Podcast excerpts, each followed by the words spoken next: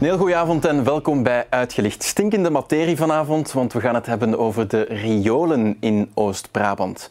Want onze regio hinkt een beetje achterop als het gaat over hoeveel inwoners er zijn aangesloten op het riool.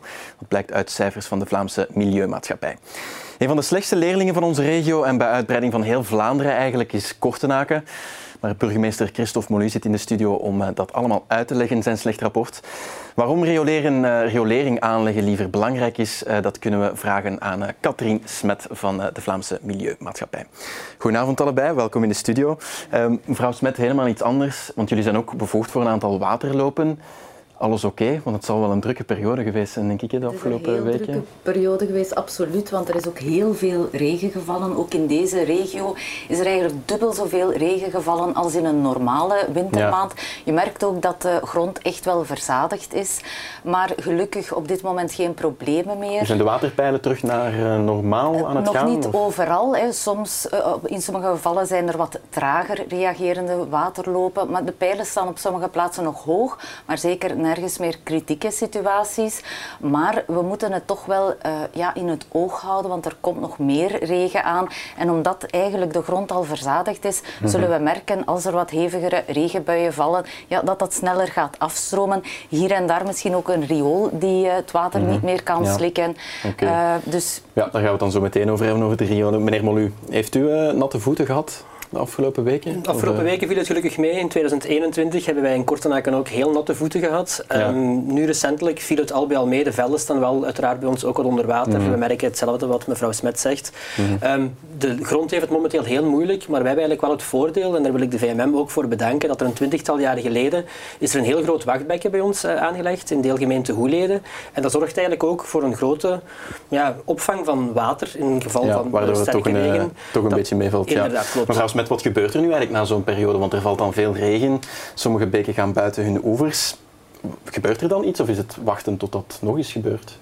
Wat bedoelt u precies met gebeurt er dan? Nemen jullie dan bepaalde maatregelen nu om, om dat te gaan voorkomen de, de, de komende maanden? Mocht er nog veel regen komen, zoals u zei? Ja, er, zijn, er is een, een heel grote visie eigenlijk hè, rond, uh, rond aanpak van wateroverlast. Enerzijds kunnen wij inderdaad maatregelen nemen. Dat doen wij ook op heel wat plaatsen. Zijn er ook wachtbekkens gebouwd die het water tijdelijk kunnen stockeren. Wanneer uh, ja, het peil dan weer daalt, gaat dat water opnieuw de waterloop in en dan staat dat wachtbekken klaar om Mhm. de volgende regenbuien op te vangen. Ja, dus dat zijn dingen het, die eh, we kunnen doen. Dat zijn dijken ook. Dat zijn allemaal protectieve maatregelen die er kunnen genomen worden. Maar uiteraard is het ook belangrijk dat mensen niet meer bouwen in overstromingsgevoelig gebied. Dat is in het verleden wel heel vaak gebeurd.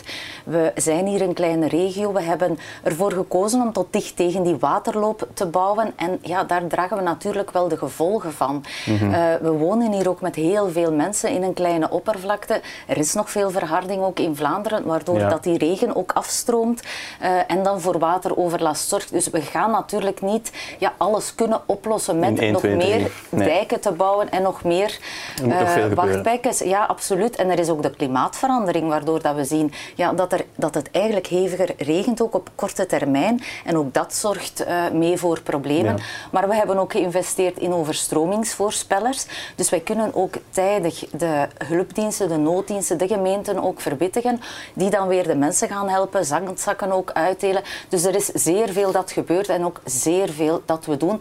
En het, het is ook zo dat we telkens leren weer uit perioden van Ja, wateroverlast. oké. Dat Er moet nog veel gebeuren in ieder geval. Ja. Laten we het dan eens hebben over ehm, de riolen. We gaan er eh, een paar cijfers bij halen.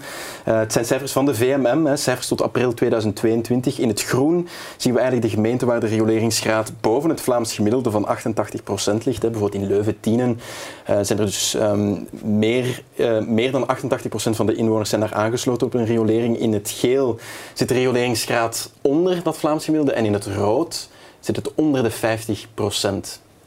Waaronder Kortenaken, hè, meneer Molly. Hoe komt dat eigenlijk dat u eh, zo slecht scoort op de Ja, kaart? ik denk inderdaad een beetje een historische achterstand is. Het is het oosten van Brabant dat wat achter, achterop hinkt. Mhm. We zijn gelukkig wel aan een inhaalbeweging eh, bezig. Dit jaar bijvoorbeeld ehm, zijn we bezig met drie projecten nog voor te bereiden die volgend jaar in uitvoering zullen gaan. Deze legislatuur hebben we in Kortenaken al drie projecten gerealiseerd, waardoor we eigenlijk op zes jaar tijd ongeveer een duizend gezinnen extra zullen aansluiten op onze riolering. We hebben 3300 inwoners in Kortenaken wonen, dus op zich, onze um, rioleringsgraad die zal er wel ja. En hoe komt het dat, dat, jullie zo laag waren in het verleden? Ja, op zich, zelf heb ik daar niet echt een verklaring voor, want eigenlijk wij volgen een beetje ook de programma's die de VMM opstelt in overleg mm. met Aquafin en met Fluvius. Wij zijn ook altijd een actor die erin mee zullen gaan. We zijn soms zelfs ook vragen van de partij om bepaalde projecten uit te breiden. We hebben momenteel bijvoorbeeld een project lopen in uh, Waanro dat volgend jaar gestart zal worden. Hebben wij de vraag gesteld, ook aan de VMM, kan het project niet nog wat uitgebreid worden omdat het eigenlijk op dezelfde mhm. straat ligt? Hebben we helaas momenteel wel een negatief antwoord op gekregen, mhm. omdat het momenteel nog niet is opgedragen door, door de VMM. Maar we zijn daar zelf vragen de partij voor om enerzijds ja, ons rioleringscijfer naar boven te brengen. Maar anderzijds zien we er ook wel wat meerwaarde in. Uiteraard, elk rioleringsproject heeft heel veel hinder voor inwoners. We proberen die in hinder te beperken zoveel als mogelijk. Maar bijkomend zijn wij als gemeente zeker en vast ook bereid om daaraan mee te werken om dan bijkomend ook veilige wegen te gaan creëren. Want dat is ook een nadeel in een plattelandsgemeente. Kortenaken heeft ongeveer 160 kilometer weg, waarvan heel veel oude betonwegen zijn. Wij zien eigenlijk die rioleringswerk ook als een kans en dan kost het natuurlijk ook meer geld als je een heel project... Uh, goed, we gaan er zo meteen verder, verder op door, ook over wie dat dan moet betalen. Maar misschien eerst eens heel even uh, uitleggen ook een, een, aangesloten zijn op een riool of niet aangesloten zijn op een riool. Wat betekent dat concreet? Dat het afvalwater van de douche, van de wasbak in de keuken, dat gaat naar een beek? Wel, het, afval, ja, het afvalwater moet gezuiverd worden, want ongezuiverd zou dat inderdaad in de grond dringen of, of naar een, een beek of een waterloop ja, gaan. Maar als ik niet aangesloten ben op een riool, dan, gaat dat naar een beek? Wel, nee, uh, dan kan je eventueel een septische put plaatsen. Het is mhm. niet zo dat we overal in Vlaanderen riolering gaan aanleggen. Dat kan eigenlijk ook niet. Hè. Heel afgelegen huizen, woningen, dat zou veel te duur zijn om kilometers riool aan te leggen. Je hebt eigenlijk ook onvoldoende afvalwater dan. Dat mhm. zou niet renderen. Dus dan eh, kan er gekozen worden om een IPA aan te leggen, een individuele behandelingsinstallatie voor afvalwater. En er zijn eigenlijk plannen voor heel Vlaanderen, zoneringsplannen heet dat, waar er nog riolering kan komen, moet komen en waar er eventueel met IBA's kan gewerkt worden. Ja, maar... Dus riolering, we gaan nooit naar 100% nee, rioleringsgraad. Hoe, hoe, gaat dat, hoe gaat dat in Kortenaken eraan toe? Er zijn wel huizen waar het, uh, het afvalwater dan gewoon naar de velpen stroomt. Ja, momenteel is het inderdaad het geval waar nog geen gescheiden riolering ligt. En belangrijk ook, je kan wel riolering hebben liggen, maar die riolering moet ook nog ergens naartoe gaan, naar een zuiveringsstation. Ja, daar gaan we straks nog over hebben. Want hoe, hoe gaat dat um, ook met het doorspoelen van de wc? Waar gaat dat? Waar gaat dat, dat gaat momenteel in de septische put en nadien komt dat in een riolering terecht. En als die niet gezuiverd wordt, loopt dat inderdaad wel gefilterd en verdund uiteraard. Want ja, de chemicaliën die, die, die bezinken en die gaan uiteraard, nadien uh, komt er nog wel een verdunde... Is de Velpen dan eigenlijk een, een open riool? De Velpen was een open riool, want we hebben vorig jaar gelukkig een, een, een, een nieuwe zuiveringsinstallatie laten bouwen door Aquafin. Die is dit jaar operationeel gegaan, waardoor er opnieuw weer 1500 gezinnen zijn aangesloten op een zuiveringsinstallatie. En ik denk dat inderdaad, het is, je moet altijd een rioleringsgraad samen bekijken met die zuiveringsgraad. Ja, want het moet dan natuurlijk ook nog gezuiverd worden. Nu, hoe, hoe schadelijk is dat uh, op dit moment, dat er toch nog van veel huizen, dan zeker in Kortenaken als voorbeeld, dat dat eigenlijk meteen in een beek terechtkomt? Wat, wat, wat, voor impact heeft dat op het milieu? Eh, wel, dat heeft heel veel impact op het milieu, in het, voor het leven in het water. Hè. De vissen die er leven, de planten. We zien dat we die goede waterkwaliteit, zoals Europa oplegt, dat we die op heel veel plaatsen niet halen. Mhm. Dus dat is voor het milieu schadelijk, maar vooral in de eerste plaats ook voor ons. Want je mag niet vergeten dat uh, het water, het kraanwater, geproduceerd wordt uit oppervlaktewater en uit grondwater. Nu, hoe vuiler dat water is, ja, hoe, meer, dat dat ook, wel, hoe moeilijker en hoe meer dat dat ook weer kost uh, aan de drinkwatermaatschappij om dat water te zuiveren. Zij gaan uiteraard niet water gaan capteren uit de velpen. Hè. Zij hebben natuurlijk hun productiecentra, hun, hun bekkens waarin zij uh, dat water halen. Maar soms is het zo vervuild ja, dat ze tijdelijk geen mhm. water kunnen produceren. Dus dat is ook wel een probleem voor ons. Dat is ook een probleem voor onze gezondheid. Omdat dat ja, ziektemakers zijn. Uh, Plus ook heel wat landbouwers capteren, hè, halen water uit die waterloop in de zomermaanden. En dan gaan gaan zij daar hun veld mee besproeien, dan gaan zij daar hun vee mee te drinken geven. Dus het is, eigenlijk in ons eigen belang om dat uh, afvalwater En laten we het, laten we het dan eens hebben ook over, over het geld. Laten we het ook niet te technisch maken, maar hoeveel, hoeveel kost dat? Een meter riool aanleggen? Wel, dat kost heel veel geld. Dat kost heel veel geld. Daarom moet het ook rendabel zijn en daarom moet het ook gaan over ja, verschillende huizen. Dus het is veel kostenefficiënter om ja, dat in een dicht bebouwde regio te doen. Wij, Dan ja, in Kortenaken jammer genoeg, In Kortenaken, of jammer genoeg hebben wij in Vlaanderen op heel veel plaatsen lintbebouwing met allemaal alleenstaande huizen om de zoveel meter. Dus ja, dan kost dat inderdaad veel meer. Mhm. En het is natuurlijk veel meer dan zomaar een buis in de grond steken. Het huis moet erop aangesloten worden. dat afvalwater moet ook weer verzameld worden en moet dan naar een rioolwaterzuiveringsinstallatie. Dus dat zijn gigantische en kosten. En wie, moet dat dan betalen? Of kan u verwachten van een klein bestuur als Kortenaken ook dat zij daar dan voor opdraaien? Wel, zij kunnen dat niet. En daarom dat wij ook ijveren om dat samen te doen. Zij moeten dat ook niet doen. Het zijn waterbedrijven die saneringsplichtig zijn. Dus in dit geval is dat de watergroep, dat is eigenlijk het waterbedrijf. Maar zij hebben dat overgedragen, zij kunnen dat ook overdragen aan Fluvius. Dat gebeurt uiteraard in overleg met de gemeente, want een kleine gemeente kan dat niet. Die, die hebben niet zo'n uitgebreide milieudienst om dat ook allemaal op te volgen. Dus het is aan Fluvius in hun geval om subsidies aan te vragen. Want het is zo dat er tot 75% subsidies komen vanuit Vlaanderen voor die riolering. Tot 2007 was dat zelfs 100%.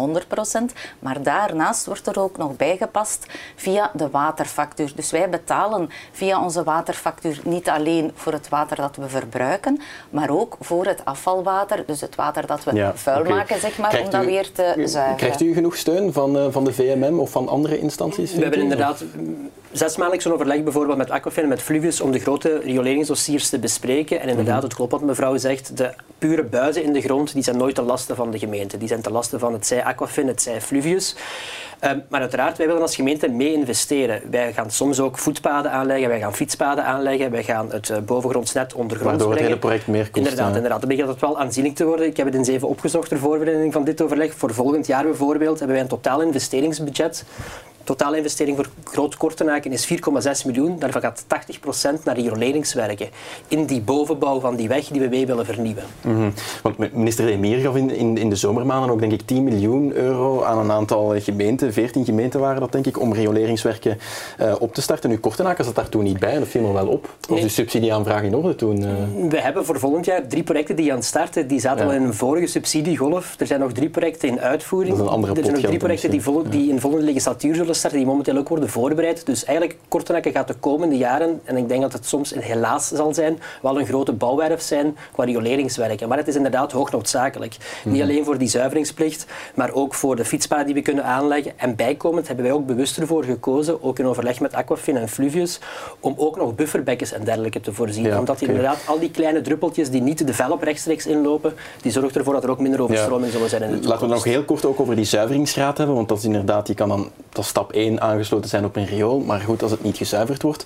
Wat, wat zijn daar de ambities? Is dat wel de ambitie om want nu is het ook nog niet zo dat elk huis dat aangesloten is op een riool, dat, daar ook, dat dat water ook gezuiverd wordt. Is dat de ambitie om dat wel naar die 100% te, te halen? Wel, naar die 100% als je niet gerioleerd bent, ja, kan het ook niet. Die zuiveringsgraad dat gaat dan over het zuiveren in een rioolwaterzuiveringsinstallatie. Dat zal dus niet gaan. We gaan daar niet naar 100% gaan, maar ja, we streven wel naar 98% mm overal in heel Vlaanderen. Dus dat moet toch wel, uh, dat moet toch wel haalbaar zijn. En zijn er concrete projecten in, in Er zijn heel veel uh, projecten die op stapel staan, absoluut in Oost-Brabant, uh, zowel gemeentelijk als bovengemeentelijk en ook in Kortenaken, dat klopt. Ik wil toch nog aanvullen uh, mm -hmm. dat dus de burgemeester zeer ambitieus is en we zijn ook heel blij dat hij ook het belang daarvan inziet. Maar ja, zij dragen natuurlijk de erfenis uit het verleden mee. dit rioleringsverhaal komt niet uit de lucht vallen, niet mm -hmm. dit jaar, niet vorig jaar, niet tien jaar geleden, mm -hmm. maar wij zijn daar al 30, 40 jaar mee bezig. En vorige besturen hebben soms andere keuzes keuzes gemaakt. En ja, hebben we gekozen om bijvoorbeeld een atletiekpiste of een zwembad te bouwen en niet te investeren ja, in de ondergrond. Hè. Dat is weinig zichtbaar. Maar ik denk dat iedereen nu wel het belang ervan uh, inziet. En ik ben heel blij dat de burgemeester ook wel uh, voilà, onze visie daarin de, deelt. De ambitie is er, is er in ieder geval, maar uh, het zal moeilijk zijn om daar 100% te halen in die landelijke gemeentes. Dat onthoud ik ook. Goed, we gaan hier moeten afronden. Dank u wel voor de komst allebei naar de studio. Graag gedaan. En u thuis ook bedankt voor het kijken naar deze uitgelicht. En uh, tot volgende week donderdag. Tot ziens.